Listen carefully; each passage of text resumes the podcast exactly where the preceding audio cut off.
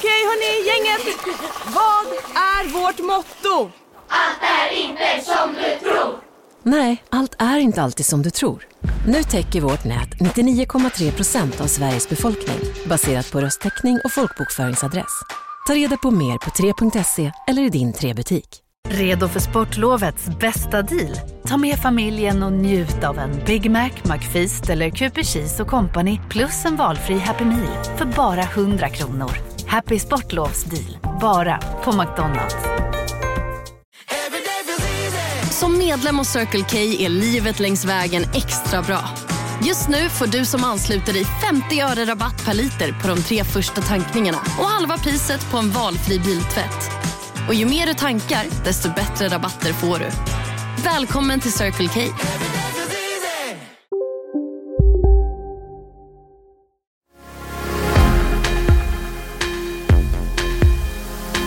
Mycket av sociologin och även statsvetenskapen ställer ju då frågan hur håller samhällen samman?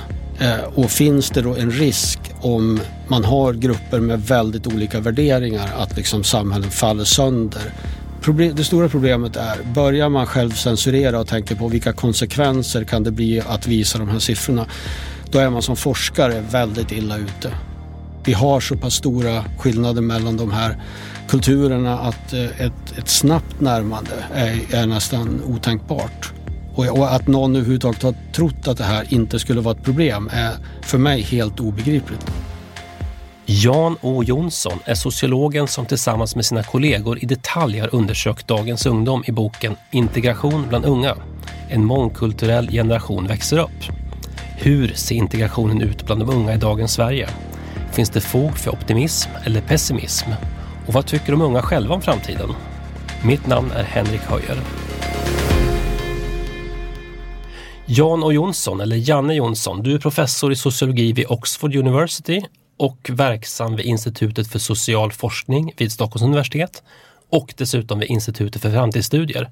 Välkommen till Kvartals fredagsintervju. Tack så mycket. Du har alltså tillsammans med dina kollegor Karina Mod och Georg Treuter forskat väldigt detaljerat och väldigt empiriskt omfattande om dagens unga och dagens integration. Vi börjar med ordet integration. Nästan alla pratar om det, men vad är egentligen integration enligt er? Ja, och det är ju svårt då förstås att säga exakt vad det är eftersom det, det blir liksom en, en operationalisering av ordet som man måste göra om man ska gå vidare och forska om det. Och Låt mig först säga bara att eh, det, vår utgångspunkt här, och det tror jag är väldigt viktigt eh, i sammanhanget, det är att eh, integration är ett flerdimensionellt fenomen. Det här går liksom inte att reducera till bara om arbetslöshet, bara om de som ramlar ur skolan eller de som är ute och skjuter på gatorna. Utan eh, integration är flerdimensionellt och vi använder då fyra olika eh, liksom större dimensioner. En strukturell som handlar om inkomster och utbildning eh, och sådana mm. saker. Vi ska återkomma till det, men ändå integration, vad, ni har någon idé om hur man ska mäta det? Eller vad det ja, alltså själv, själva, själva integrationsmåttet då är egentligen en gruppskillnad. Det, det, är så enkelt som, som vi, vi har bestämt att, eh, att det får vara för oss. Eller likhet?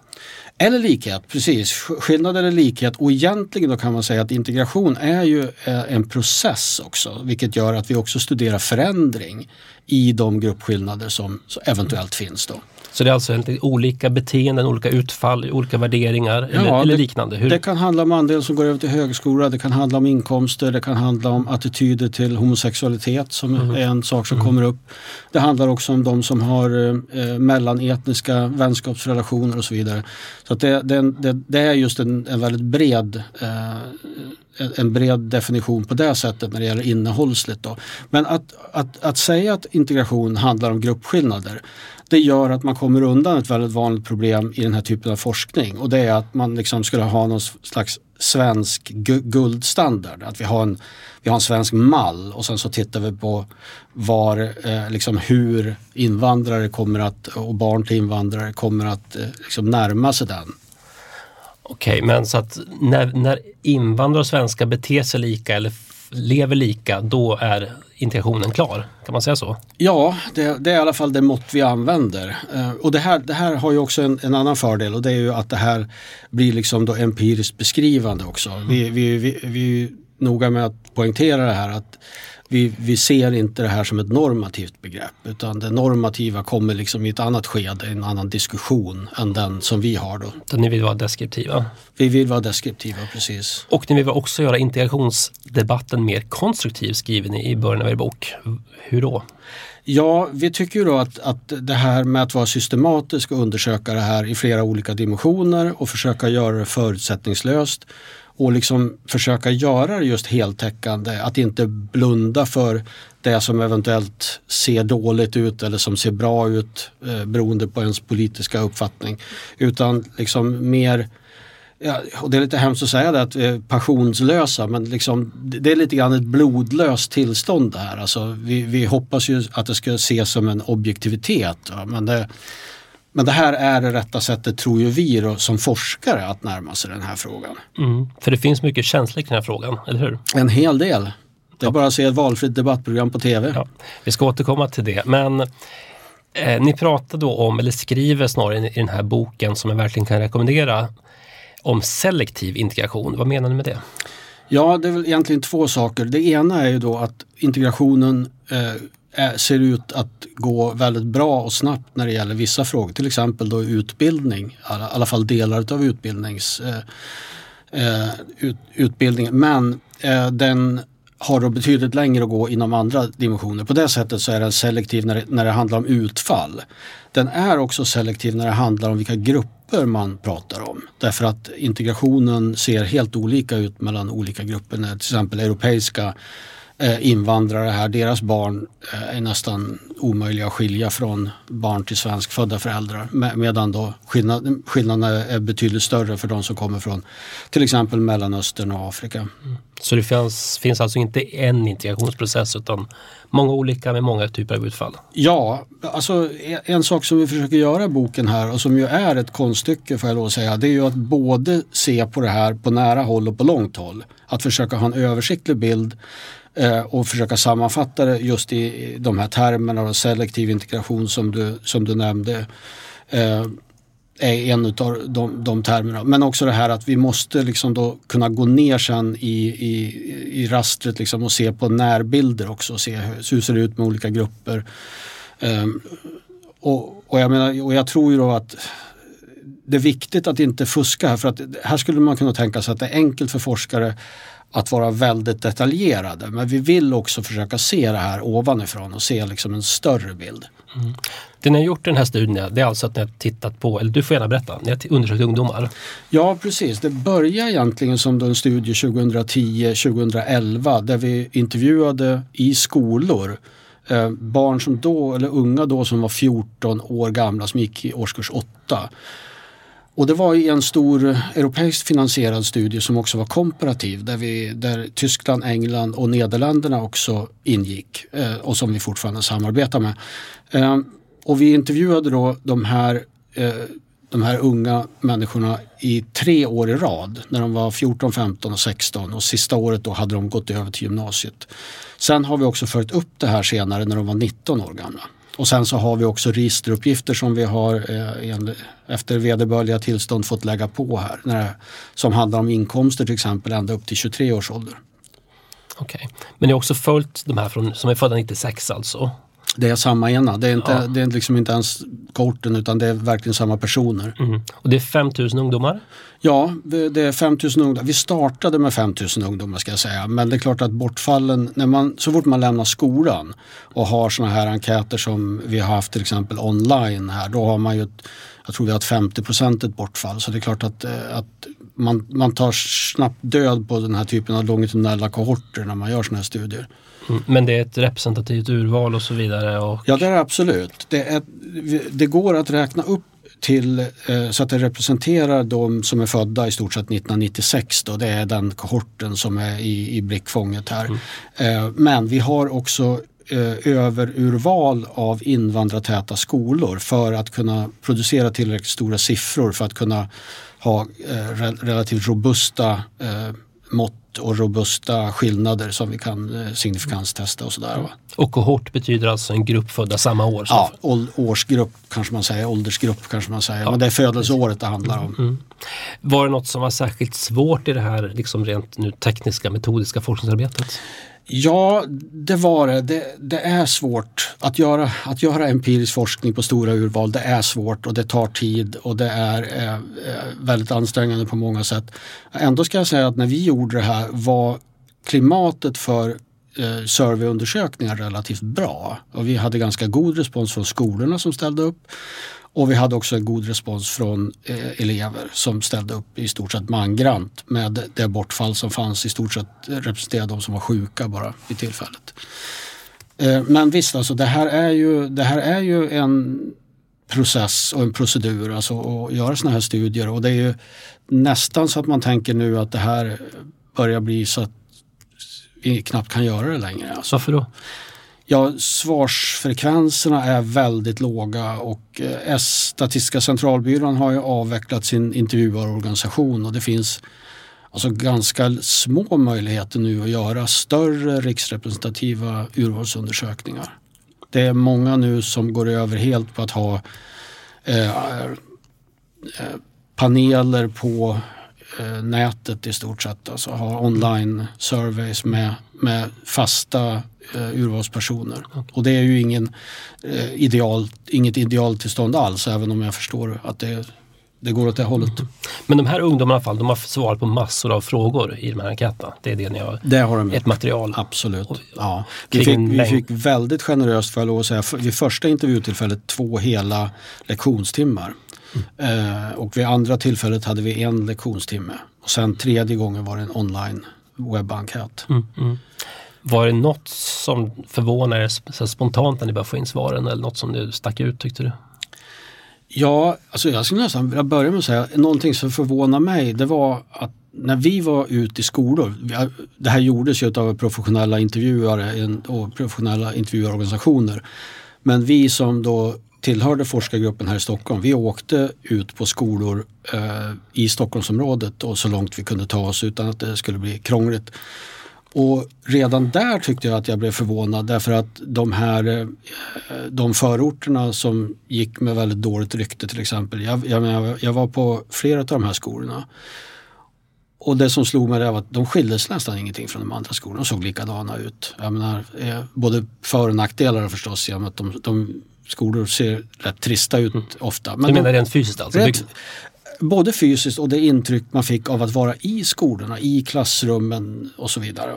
Och det här tror jag var min första reaktion egentligen som då har blivit stärkt sen när du pratar om överraskningar. Att skolframgångarna för de som har eh, utländsk bakgrund är så pass goda som de är. Jag menar, det vi får höra om är ju då de här hemska historierna om hur många som ramlar ut och från de områden där väldigt få klarar av att kvalificera sig för nationella gymnasieprogram till exempel. Och det här vet vi och det här blir vi matade med. Men, men sanningen är ju att det går väldigt bra för en väldigt stor majoritet utav dem. Det är till och med så att övergången till högskolan nu är faktiskt större i den här gruppen. Bland alltså ungdomar med utrikes bakgrund. Ja, ungdomar ska jag säga med två utrikesfödda föräldrar är den definition vi använder. Som det går bra för alltså? I, Det går bra för dem. Det går bra för dem. Eh, De, eh, det är inte bara det att det går bra för dem när de går efter högskolan utan det är också så att de är väldigt engagerade i skolarbetet. De pluggar mer, de har större aspirationer. De går genom utbildningssystemet i lite, i, i lite svagare utsträckning än de med svenskfödda föräldrar men de liksom tar igen det genom att vara lika engagerade nästa gång igen eh, på gymnasiet. Och det här, det här gör liksom att jag, det är svårt att säga exakt men säg 80-85 procent gör väldigt bra ifrån sig. Sen så finns det då 10-20 procent, som 15-20 procent kanske jag ska säga, som, som det då går riktigt dåligt för. Och de är ett problem. Det och, är och det är bara de vi får läsa om i tidningarna? De får vi läsa väldigt mycket om i tidningarna. Men jag kan säga så här också, det som vi också ser i tidningarna med väldigt höga siffror eh, för de som till exempel då inte är, eh, eh, får, får gå på gymnasiet och så vidare. Va? Det handlar mycket om att invandringen är så stor. Det handlar mycket om att vi hela tiden har en inflöde av nyanlända. och som inte kan språket. Och, där, och de, eftersom de alla hamnar i de här förorterna utanför storstäderna, eller inte alla men en stor andel av dem, så kommer det liksom att se ut så när man som dagstidningarna gör när man tittar på andelen som då inte är gymnasiebehöriga till exempel i vissa skolor i de här områdena så blir de, de andelarna blir väldigt höga. Men som sagt var, det då, då ska man komma ihåg att där finns det en påspädning av nyligen anlända. Okej, okay, okay. ja, er studie är som sagt väldigt fyllig och detaljerad. Det, var, det är liksom en org, org i tabeller. Det kanske avskräcker en del men för mig var det väldigt intressant med den otroligt empiriska styrkan. Ni har inte ryggat för de här svåra frågorna heller. Att, att ni har till exempel undersökt om det finns ett svenskhat bland invandrare och ni har alltså frågat vad man tycker om olika etniska grupper.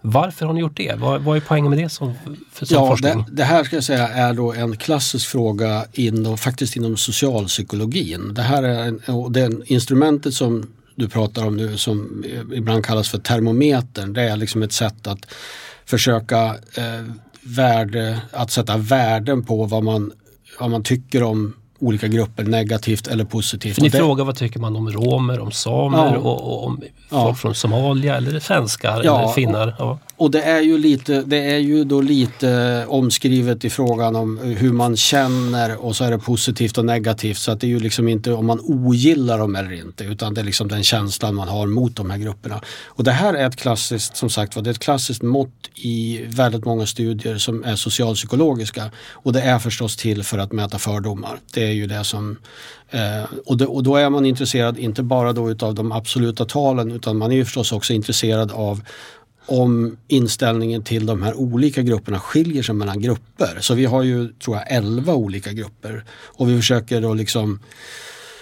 benchmarka som det heter på svenska, eh, det här med att fråga om amerikaner och tyskar. Mm. Och sen så går vi ner och frågar om ja, iranier och bosnier och, och romer. Sådär, va? Eh, och det som, ja det är ju flera intressanta resultat av det här. Och en, ett tycker jag är det här att barn med svenskfödda föräldrar som tillhör majoritetsbefolkningen då, de är ju, de känner mer negativt mot eh, barn med utländsk bakgrund, framförallt när de inte kommer från Europa. Men det är ingen skillnad mellan olika grupper där. Vilket liksom talar för det här att eh, unga med svensk bakgrund har en ganska homogen bild av unga med utländsk bakgrund.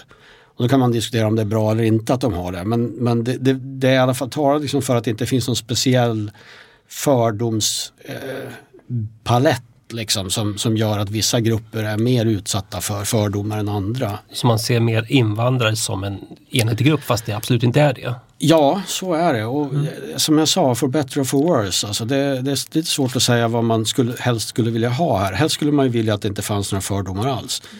Men då ett annat res intressant resultat från det här det är ju då att om vi då eh, frågar de som har utländsk bakgrund, vilket ju många då aldrig gör, utan man är mer intresserad av vad eh, unga med svensk bakgrund tycker om invandrare så att säga. Det är ju den klassiska frågan. Men om man vänder på det här då ser man då två saker som jag tycker är väldigt intressanta. Det ena är att om man nu ska prata om en fördomsbild här eller om positiva och negativa känslor så ser den ungefär likadan ut för dem. Det är liksom volymen av det här, magnituden är ungefär densamma. Men det som också sticker ut som jag tycker är värt att, att, att titta på och, och, och, fundera över och lyfta fram faktiskt det är ju det här att de har en väldigt positiv eh, syn på de med svensk bakgrund, eller på svenskar som vi säger då i frågan.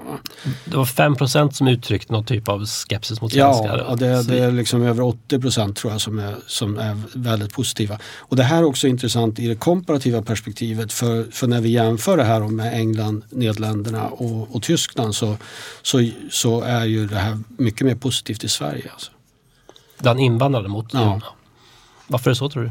Ja, jag har faktiskt ingen aning om det, varför det skulle vara så. Det, det är nästan, ja, det, det, det skulle kräva en, en, helt annan studie men det är en väldigt intressant fråga ändå. Tror du det finns något problem med att ställa den här typen av frågor? Som forskare? Ja, den här frågan är ju en av de få skulle jag säga som vi ställer som jag själv är tveksam till. Det var också så att vi tog bort den efter första omgången.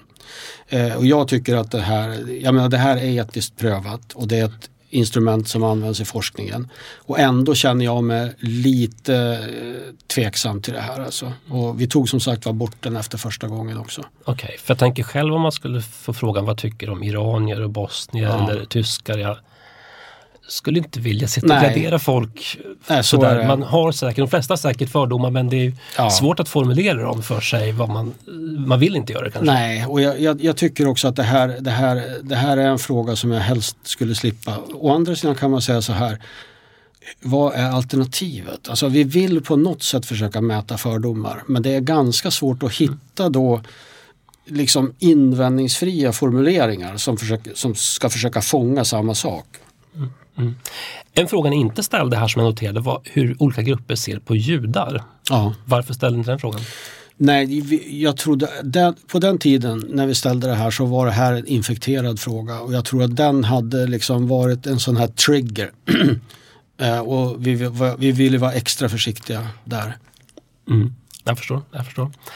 Eh, den allra största skillnaden som jag förstod när jag läste er bok eller rapport, det är ju i då synen på religion. Där det finns en stor klyfta eller diskrepans mellan svenskfödda och eh, ungdomar med utrikes bakgrund. Eller, eller svensk bakgrund, utrikes bakgrund rättare sagt. Svenskfödda menar ungefär 6% att religion är något väldigt viktigt medan runt 50% av de med utrikes bakgrund tycker det är viktigt. Det här är ju en jätteskillnad. Var ni förvånade över det här? Ja, lite grann faktiskt. Det måste jag säga. Att, att och det, det, som var den, den, stora förvåningen är egentligen inte att det skiljer sig eh, så mycket i den stora gruppen med utländsk bakgrund. Men framförallt att de som är födda i Sverige av utrikesfödda föräldrar har samma höga religiositet. Vad beror det på? Hur ska man förstå det? Ja, det, det, det, bästa sättet som jag har kommit fram till att förstå det och det finns en del stöd i forskningen för det. Det är ju att överföringen av religiositet och religion för den delen också då, eh, sker väldigt tidigt. Tidig socialisation, eh, kanske till och med innan de börjar skolan. Och det här är någonting som sitter i. Det är en väldigt djup känsla och eh, en väldigt, en väldigt stark eh, en väldigt stark socialisation då som har med föräldrar att göra, som har med familjen att göra och sådär. Och den är, den är uppenbarligen väldigt eh, eh, dominant. Mm. Är, det, är, det, mm, är det någonting man ska vara bekymrad över eller är det här en sak, man, det är ju en privatsak. Finns det någon, finns det någon mening att vi ska vara likadana i religiositet? svenska Nej, invandrare? Absolut inte och, det, och vi har ju religionsfrihet och det är mm. klart att vi har till och med kämpat för religionsfrihet på 1800-talet så att vi, vi, vi, ska, vi ska vara glada över den. Men jag tror att det här, det här rör en större fråga som då samhällsvetenskapen egentligen brottas med skulle jag säga och där, vi, där jag inte kan se att vi riktigt har något bra svar. Men mycket av sociologin och även statsvetenskapen ställer ju då frågan hur håller samhällen samman? Eh, och finns det då en risk om man har grupper med väldigt olika värderingar att liksom samhällen faller sönder? Att tilliten minskar till exempel, eh, att konfliktytorna ökar och så vidare. Så att man kan, man kan, man kan liksom se det här på två sätt tycker jag. Det ena är liksom att de flesta vill ha mångkulturella samhällen i den här meningen att vi behöver inte alla vara likadana. Och som, som jag sa förut, jag tror att det är en helt fel ingång att tänka sig att vi har någon slags svenskhet som, som vi ska ha som någon mall här. Va? Men samtidigt så får man ju lov att säga då att de flesta skulle också, om, om man bara frågar människor så skulle de vara ganska starka motståndare till ett samhälle där alla invånare hade extremåsikter men att de var 50-50 till exempel. Få skulle liksom vilja leva i det samhället.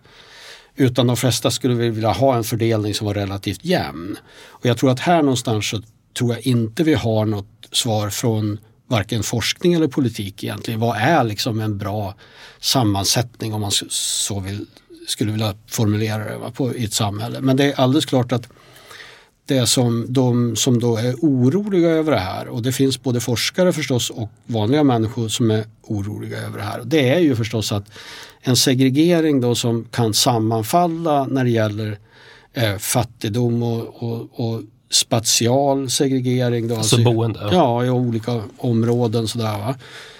och kulturell och social. Alltså får man, en, får man en segregering på alla de här parametrarna som är väldigt stark, alltså då har man ju då eh, det som vi också försöker att säga, ett separerat samhälle, att unga har, lever faktiskt väldigt olika liv. Mm. Och, och, det, och om det nu i sin tur leder fram till ett samhälle som ingen vill ha, det vet vi inte riktigt. Nej, nej. En annan fråga ni undersökt är om Sverige är ett rasistiskt eller diskriminerande land. Ni har alltså frågat ungdomar hur man blir utsatt av, av det kan vara lokaltrafik, polis, väktare och lärare. Hur, hur, hur är omfattning av rasism och diskriminering? Ja, alltså i 14-årsåldern som de var när vi började här, då, då hittar vi väldigt lite eh, diskriminering och få, få som uppger att de haft eh, ramlat in på sådana här problem. Då. Men då får man också tänka på att de är 14 bast och det, det, betyder att de rör sig inte så himla mycket utifrån sitt, utanför sitt område. Eh, så att vi har ju också ställt de här frågorna sen bland annat när de var 19 år gamla och då får vi ju högre siffror. Men vi får också svårtolkade siffror och vi, vi är ju lite försiktiga när det gäller det här med diskriminering. Vi, vi anser inte att vi med våra metoder, alltså självrapportering, på något bra sätt kan komma åt det här och liksom ge en volym här, liksom, eller ett mått på det här. Va? Eh, utan jag tror att de, de största de bästa metoderna idag är egentligen med olika typer av experiment. Mm. Eh, och det har inte vi gått in på. Men ändå, ni hade in, inte några direkt alarmerande siffror det vad jag nej, se, utan nej, det, var, fin, såg bättre ut än vad jag hade min bild av att man läser också mycket i tidningen om diskriminering och rasism och sånt som inte riktigt bekräftades. Absolut, och jag tror ju så här att eh, eh, någonting som ju ofta diskuteras eh, som jag har, allvarligt talat har lite svårt att förstå det är att det skulle finnas en stor diskriminering i skolan.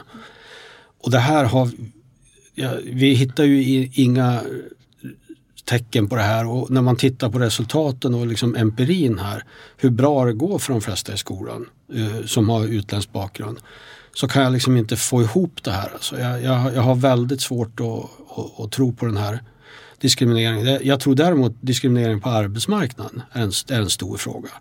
Och dit har våra unga inte riktigt kommit än. Alltså vi har ingen riktig eh, spets på våra analyser där än. Men det ser också ganska bra ut för de här när de är 23 faktiskt. Och så att, eh, och även vi har ju registeruppgifter för, and, för andra lite äldre korter upp till 30 också. Och även där ser det ju förhållandevis bra, överraskande bra ut får jag lov att säga. Okay. Men någonting jag tittat på som jag tyckte var väldigt fascinerande och jag har aldrig sett någon liknande studie, det är det här partnerskap i dagens Sverige. Hur... Hej, Synoptik här. Livet med glasögon ska vara bekymmersfritt. Därför får du 30% på alla glasögon när du väljer Synoptik All Inclusive. All service ingår alltid. Välkommen till Synoptik. Hej, Susanne Axel här. När du gör som jag och listar dig på en av Krys vårdcentraler får du en fast läkarkontakt som kan din sjukdomshistoria. Du får träffa erfarna specialister, tillgång till lättakuten och så kan du chatta med vårdpersonalen. Så gör ditt viktigaste val idag, lista dig hos Kry.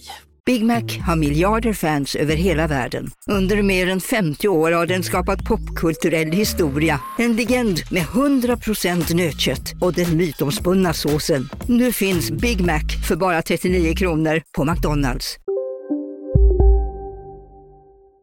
Man alltså gifter sig, blir sambos, eh, bildar par utifrån etnicitet och sådär.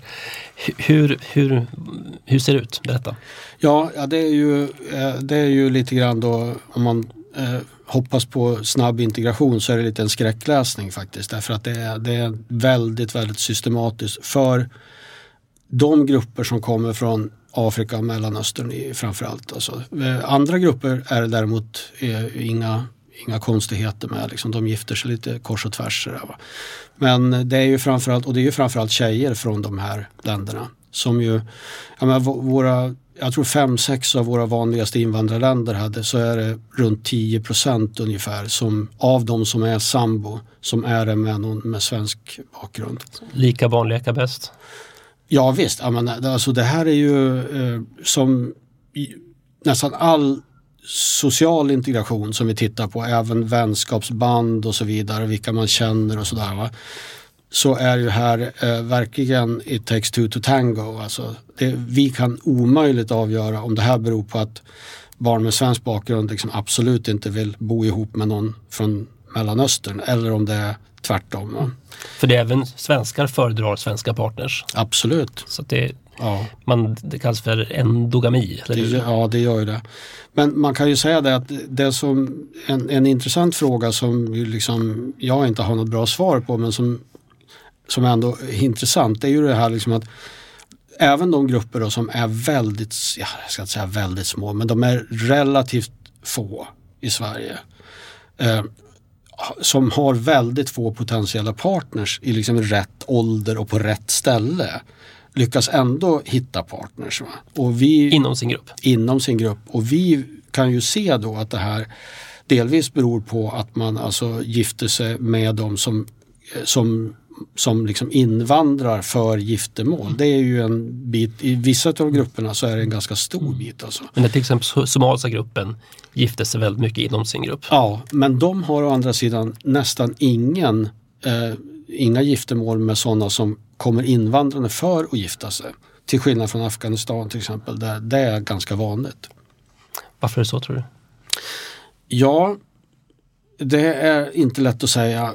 Eh, Jag tror, tippar att det beror på, alltså vi har ju de olika invandrargrupperna, de, de som är unga i olika invandrargrupper har ju olika egenskaper förstås och det kommer eh, säkert att, att spela in. Men de är ju också, de finns också i olika sammanhang skulle jag säga, alltså familjer, klaner, religiösa grupper och så vidare. Och, och de här sammanhangen är ju säkert viktiga för, det vet vi ju, för partnerskap. Eh, Så att det, det här är en ganska komplicerad bild och det vi ger här är ju mer då ska jag säga bara en deskription. Alltså så, här, så här ser det ut helt enkelt. Jag satt och lusläste era, era tabeller och staplar och enligt det här verkar då män mer då benägna att skaffa en partner, gifta sig utanför sin egen grupp alltså, och därmed integrera sig mera. Eh, är det här ett generellt mönster tror du? Ja, alltså det är, det är förstås ja, det är ett generellt mönster. Det här tror jag vi ser på, på även internationellt. Eh, och det här har väl delvis åtminstone att göra med att eh, döttrar i, i eh, familjer med ursprung i Mellanöstern och Afrika är ju då mer hårt hållna helt enkelt och inte tillåtna att gå ut lika mycket och inte eh, ha umgänge med andra eh, med unga män av andra ursprung. Eh, men eh, ja, alltså det, som jag sa, det, det är en ganska komplicerad historia det här. Det, det finns ju också, även om vi inte har det så mycket, så finns det ju också en könsobalans i vissa grupper. Till exempel bland unga afghaner så har vi ju en väldigt stor mansdominans och det här påverkar också. Såklart, såklart. Det ni har undersökt också det är sån här sprängstoff är då vad ungdomar tänker om homosexualitet, aborter, skilsmässa. Här finns också stora könsskillnader och inte bara skillnader mellan eh, svensk bakgrund och utrikes bakgrund. Berätta, vad kom ni fram till? Ja, det här är ju en klassisk indikator som bland annat då finns i eh, World Value Survey och i, i flera andra sådana här sammanhang också. Och, och det vi hittar här är ju egentligen då, ska jag säga, för oss som eh, tar del av den internationella forskningen, ingenting överraskande utan det är ju så att synen på eh, abort, homosexualitet, eh, samboende för giftermål eh, är ju då betydligt mer konservativt ur vårt perspektiv eh, bland barn som är, har utrikesfödda föräldrar. Och det skiljer sig också mellan grupper och på nästan samma sätt som då all, alla de här eh, mönstren så är det de som kommer från Mellanöstern och Afrika som skiljer sig mest. Och det är ju också då pojkar som skiljer sig från flickor va? I alla grupper. Alltså. Det är en väldigt tydlig könsdimension i de här också. Att flickor är mycket mer toleranta när det gäller de här frågorna. Om man ska sammanfatta lite hårdraget så är pojkar med utländsk bakgrund och flickor med svensk bakgrund står längst ifrån varandra. De står väldigt långt ifrån varandra, så är det. Mm. Och då tror jag vi ska se det i perspektiv i och för sig. Då. Det, är liksom ingen, det, är, ingen ursäkt på något sätt men svenska flickor är ju extrema i ett internationellt perspektiv. Jag menar, eh, Sverige är ju ett land som är extremt i många fall när det, som ofta påpekas i den internationella forskningen och som vi kanske själva har lite svårt att se ibland. Va? Att vi är lite etnocentriska och tror att Sverige är mellanmjölkens land lite grann sådär. Va? Men i själva verket är vi ju extrema när det gäller det här. Vi, vi, har, vi är så sekulära till exempel. Vi har så få med hög religiositet och vi är, har hög tro på rationalitet och vi har hög tro på jämställdhet och så vidare. Och vi, vi ligger verkligen långt ut i periferin i ett större globalt perspektiv när det gäller attityder och värderingar. Mm. Men ni visar till exempel den här studien att då pojkar med invandrarbakgrund är runt 50% uttrycker homofoba åsikter. Eh, är ni oroliga för att spä på fördomar? Eh, ja, alltså det kan, man kan ju vara orolig för det men det tycker jag inte ska stoppa oss. Liksom. Det, blir, det blir nästan hopplöst om man börjar självcensurera resultat, alltså objektiva. Eh, vi har ju sett det här som ett sätt att få ut fakta eh, lite, eh, ja som jag sa, lite, eh, lite objektivt eh, och lite, lite passionslöst möjligen men, men, men mer beskrivande. Och, och det, jag tror problem, det stora problemet är, börjar man själv censurera och tänker på vilka konsekvenser kan det bli att visa de här siffrorna, då är man som forskare väldigt illa ute.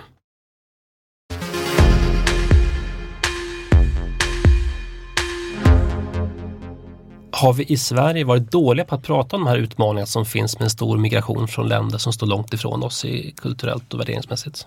Ja, det är väl en underdrift nästan. Det, är ju, det har funnits, en, eh, tror jag, ja, en relativt naiv tro att antingen kommer alla som invandrar hit och blir som oss väldigt snabbt och eller vill de bli som oss? Och jag, det är väl inte eh, särskilt kontroversiellt att, att säga med basis av de forskningsresultat vi har att eh, inget av det här stämmer antagligen. Va? Det, det, det, här är, vi har så pass stora skillnader mellan de här kulturerna att eh, ett, ett snabbt närmande är, är nästan otänkbart. Och, och, att någon överhuvudtaget har trott att det här inte skulle vara ett problem är för mig helt obegripligt. Varför har det blivit så då? Ja, jag tror att det har varit, eh, jag menar en del i det här har ju förstås varit att Sverige har haft en eh, självbild eh, som ju i sig är väldigt bra det här att vi är, vi är ett gott samhälle, vi är goda medborgare, vi vill ta hand om alla, även de som har det svårt i, i andra länder. Och därför har vi haft bland annat en stor flyktinginvandring och det är lätt att, att känna sympati tycker jag med, med den självbilden. Den ska vi försöka att, att behålla men det har också eh, varit tror jag en i, i omfattningar som man då liksom inte riktigt har där man inte har haft något konsekvenstänk riktigt. Och då, och då kommer jag tillbaks till det här att ja, naivitet, naiviteten att de, att de som kommer hit antingen blir de på ett magiskt sätt svenska väldigt snabbt och, och anpassar sig väldigt snabbt eh, utan att det blir några problem för någon deras grupp. Va? Eller också så, eller också så eh, och framförallt så att de tror att de, de både blir det av naturliga skäl och sen så vill de bli det. Va? Och, och det är ju det, det, är, det är så otroligt naivt att tro att det här ska kunna fungera därför att det är ju inte mer än tre generationer sedan vi emigrerade till USA och jag menar om det första man, man behöver inte ens se på utvandrarna, man behöver bara läsa någon litteratur för att se liksom att ja, vad gjorde svenskar och skandinaver när de kom till Amerika, eller norra Amerika som de sa. Jo men de bildade egna kyrkor, de hade egna advokater, de hade egna läkare. De egna hade, stadsdelar? Ja, egna stadsdelar precis. Och det, och det, här, det är ju precis samma sak som man gör här. Och, det, och, det, och en enkel anledning till det här är ju att när man kommer till ett främmande land och inte känner till någonting om hur det fungerar, då är de egna sociala nätverken så otroligt viktiga. Och det var varit dåliga på att förstå alltså? Ja, jag tror det. Jag, jag, det. det. är lite svårt att förstå. Jag menar, jag har, jag har svårt att tänka mig en konspirationsteori bakom det här. Hur lång tid tar då integration? Kommer vi någonsin nå dit med tanke på de här stora klyftor vi sett i vissa kulturella Ja, alltså, jag tror många individer och, och flera utav grupperna kommer definitivt tror jag att bli eh, integrerade relativt snabbt på en generation till och med. Det här var ju bland annat då fallet med de iranier som kom tidigt till Sverige till exempel. Är ju, eh, men de är, var ju då också selekterade och jag tror att det är det här som man får fundera över när det gäller grupper, gruppsammansättningar. Alltså, iranier som kom hit precis som en hel del bosnier var högutbildade och framförallt, de var inte så religiösa. Medan då de som har kommit de senaste 20 åren då är extremt religiösa och eh, eh då ofta också ganska, med låg utbildning. Och det är klart att det är ju, det är ju karaktäristika som då predicerar en långsammare integration. Men sen kommer ju den stora frågan som du är inne på här också. Alltså, eh, frågan om vad målet kan vara. Det är ju en, tycker jag, en politisk fråga. Det är, liksom, det är någonting för det demokratiska samtalet det här. Alltså, eh, hur vill vi ha samhället? Det, det är ingenting som vi forskare har någon slags första king på, på att uttala oss om. Mm. Eh, förra veckan skrev jag en kort artikel utifrån era forskningsresultat fick en liten tillspetsad rubrik Så ser svenskar och invandrare på Gud, sex och våld. Och jag fick förstås massor av reaktioner. Skriver man över komplexet integration, migration, invandring så får man ju alltid jättemycket trafik eller klick. Varför tror du det är så till att börja med? Ja, det är, det är ju förstås för att det är kontroversiellt, eller hur? Det är ju det liksom. Du, I och för sig, det hade varit intressant om du haft drugs and rock'n'roll med också, därför att det är ju det andra klassiker. Ja, men jag ska säga, utan den här rubriken så hade ändå folk är nyfikna och folk tycker det här är intressant. Det finns väldigt mycket kommentarer och eh, jag kan, kan nämna några för dig så får vi testa några frågor som dök okay. upp här bland mina läsare. Både på sociala medier och även på kommentarer till artikeln som ligger på kvartal.se. Flera undrar över representativitet. En, en docent i företagsekonomi som är bekant med undrar, kan man verkligen generalisera utifrån 5000 svar? Ja, det kan man. Absolut, och jag menar, vi har genom hela boken an, använder vi konfidensintervall för att eh, återge liksom med vilken statistisk säkerhet som så, det finns. Ja, precis. Och, och jag menar, det är klart att när man tittar på dem så säger man att mycket är osäkert. Och det är klart att mycket av det vi skriver om baserar sig kanske mindre på enskilt, enskilda signifikanser, alltså statistiska säker, säkerställda eh, skattningar och mer på mönster. Men, men det saknas verkligen inte eh, ganska starka effekter som vi är väldigt säkra på. Mm. Nej, ja, mitt svar till henne var ungefär att du, man läser dagligen i tidningar opinionsundersökningar som betydligt färre respondenter, det brukar vara runt 1000-1200 ja, som man i regel sätter hyfsat tilltro till. Det är klart ja. att det finns... Det blir i alla fall stora rubriker av dem. Ja, jo. så att, det var min uppfattning att det finns, att det finns en, en, en viss representativitet men det var intressant att höra din kommentar. Ja, det, nej, men 5000 betraktas nog i samhällsvetenskapliga eh, situationer som en, en ganska bra urvalsstorlek. Alltså. Mm. Eh, någon annan undrar vad gäller bortfall vad gäller invandrargrupperna för de vet man ju att de är sämre att få svara. Du har berört det tidigare men är Ja och, och det här är ju då det geniala med att göra skolundersökningar därför att eh, där får man då svar från, och jag ska säga så här när det gäller vad vi vet om invandrargrupper och barn till utrikesfödda till exempel så är det nästan bara från den här typen av undersökningar. Därför att det är precis som du säger, alltså att, att få svarsfrekvenser från de här grupperna är nästan omöjligt. Och det betyder att mycket av det vi tror vi vet om Sverige vet vi inte därför att de här grupperna är inte representerade. Alltså. Och då finns det då sätt att försöka komma undan det här genom att väga upp de som svarar och så vidare. Och då har man problemet med att det finns en systematik i vilka som då faktiskt svarar. Och så där. så det, det, det är verkligen, för att vi ska veta något om Sverige så är det här ett jätteproblem. Men skolundersökningar undviker det här. Bra. En annan forskare frågar hur, hur ni ser ni på risken på önskvärda svar i enkäter? Att man har någon slags självbild, att man tycker Nej. någonting som man liksom överdriver? Ja, det är nästan ingen alls skulle jag säga. Det här, de här ungarna i de här åldrarna de är extremt noga med sina svar och sanningsenliga. Här, vi har gjort andra studier på uh, unga och uh, vi har haft fokusgrupper och vi har försökt kolla det här mot alla möjliga Eh, på alla möjliga sätt och de är ju väldigt sanningsenliga och väldigt noggranna när de svarar. De tar det här verkligen på allvar. Jag ska säga att vi har faktiskt gått igenom svaren, de här 5000 svaren och att vi har plockat bort 27 personer som, där vi uppfattar att svaren är eh, inte till, tillräkneliga så att säga. Trams av olika slag? Ja, precis. Ja. Ja, jag tycker själv att det är kul att fylla i enkäter så att det är fler som gör. Eh, vetenskapssamhället i Sverige, har de varit intresserade av att forska kring det mångkulturella samhället? Det finns ju några exempel. Bipuren som har varit gäst här, Peter Esaiasson, statsvetare i Göteborg, har, har skrivit en hel del bedrivit forskning. Och du och din kollega har gjort det här. Men i övrigt, det finns de som tycker att har, man har inte varit tillräckligt intresserad av det här stora. Alltså inte på det här sättet kan jag väl säga. Det, det, det, det vi har gemensamt tror jag det är väl ett lite, lite större perspektiv och större urval. Och mer övergripande frågor kanske. Sen så finns det ganska mycket forskning annars om enskilda grupper till exempel och det finns ganska mycket kvalitativa studier av mindre grupper som då inte har någon stor representativitet men där man ändå kan hitta eh, väldigt viktiga eh, till exempel problem eh, om man undersöker relationer mellan olika grupper eller hur de möter det offentliga Sverige. Så att vetenskapssamhället har varit intresserat, det är ditt svar? Alltså jag skulle ändå säga att jag är, lite, jag är lite överraskad när vi skriver den här boken hur svårt det är att hitta det här. Alltså.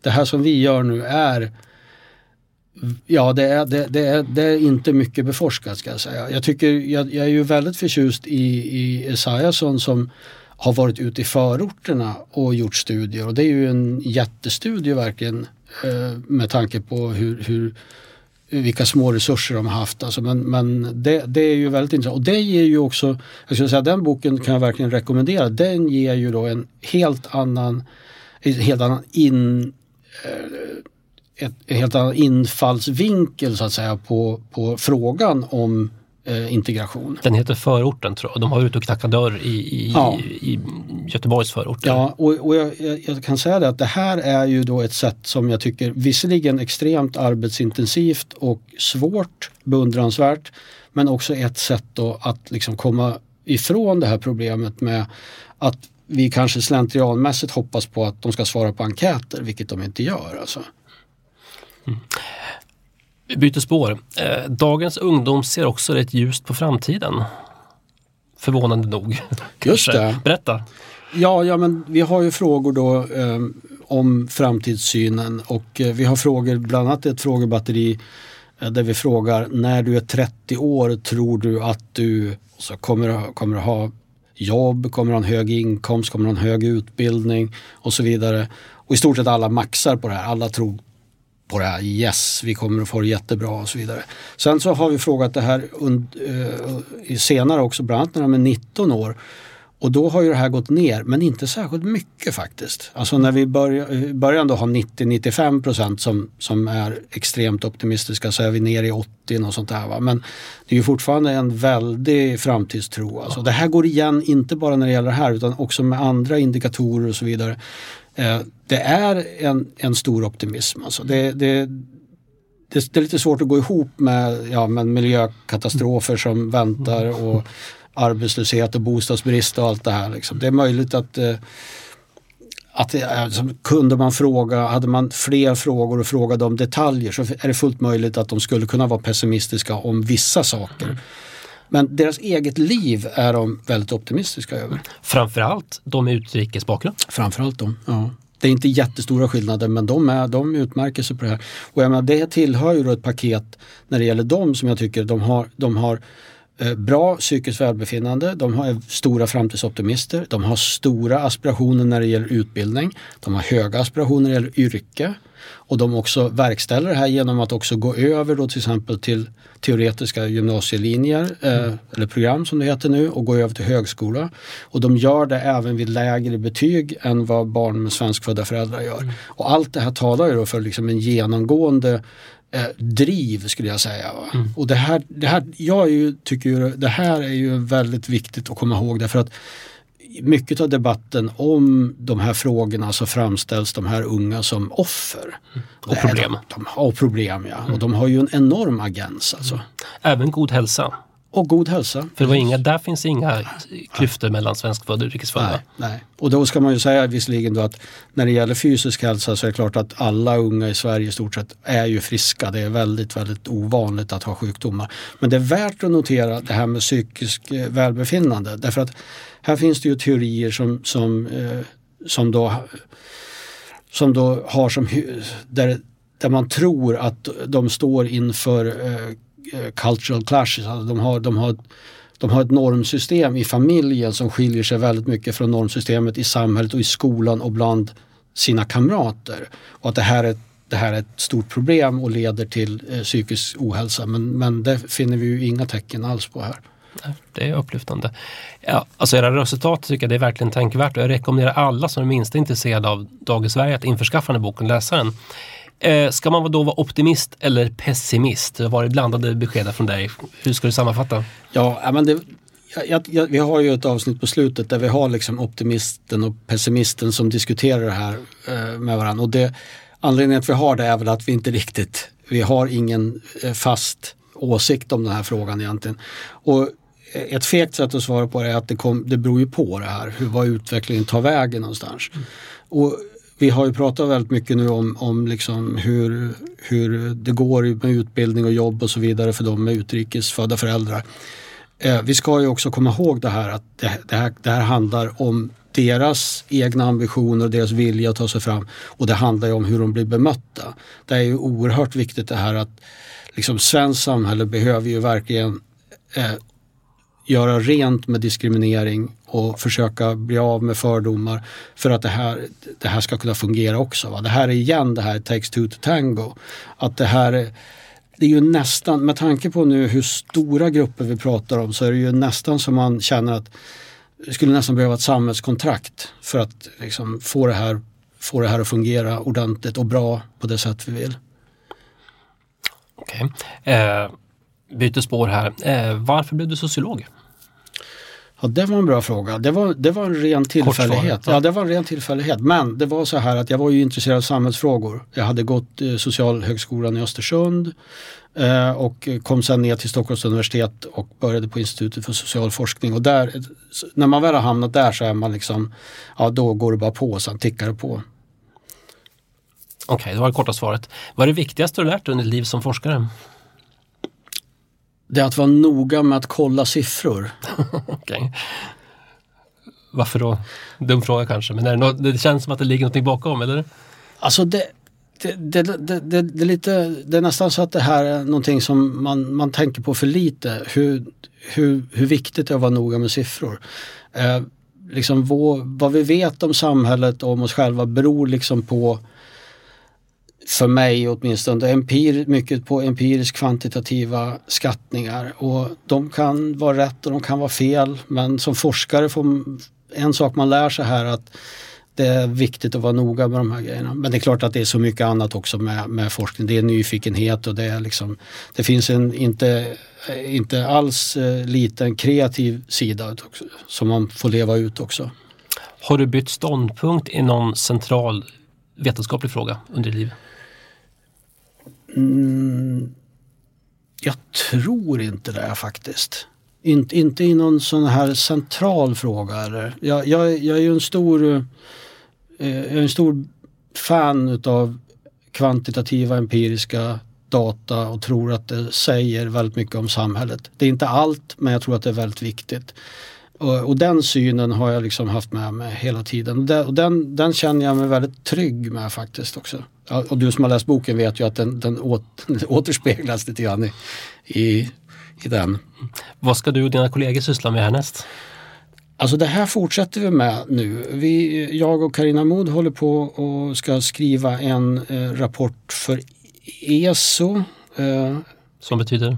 Expertgruppen för, ja jag vågar knappt säga det här, offentlig, offentlig ekonomi.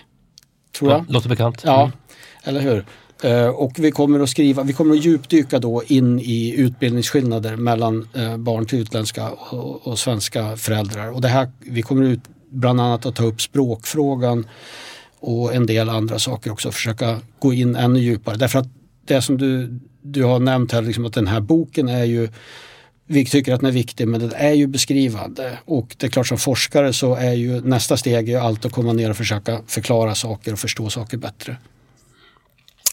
Eh, man har alla tider förfasats över dagens ungdom och ni vet mer än de flesta om dagens ungdom. Vad vill du säga till de som är oroliga idag för ja, unga Sverige? Ja, jag skulle säga att de flesta unga är snälla, nyfikna, ordentliga och betydligt mer skötsamma än vad de var för 100-150 år sedan. Det är väl en liten klick man ska vara orolig för och jag tycker man ska uppmärksamma särskilt de som går omkring med skjutvapen. Och då har vi kommit till den punkt i programmet där vi tar farväl av er som lyssnar på den icke-prenumererade versionen av fredagsintervjun.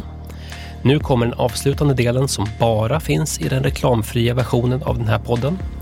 Vi kallar den De fem sista och den är alltså exklusiv för dig som prenumererar. Så tack för denna gång och våra prenumerationserbjudanden hittar du förstås på kvartal.se prenumerera.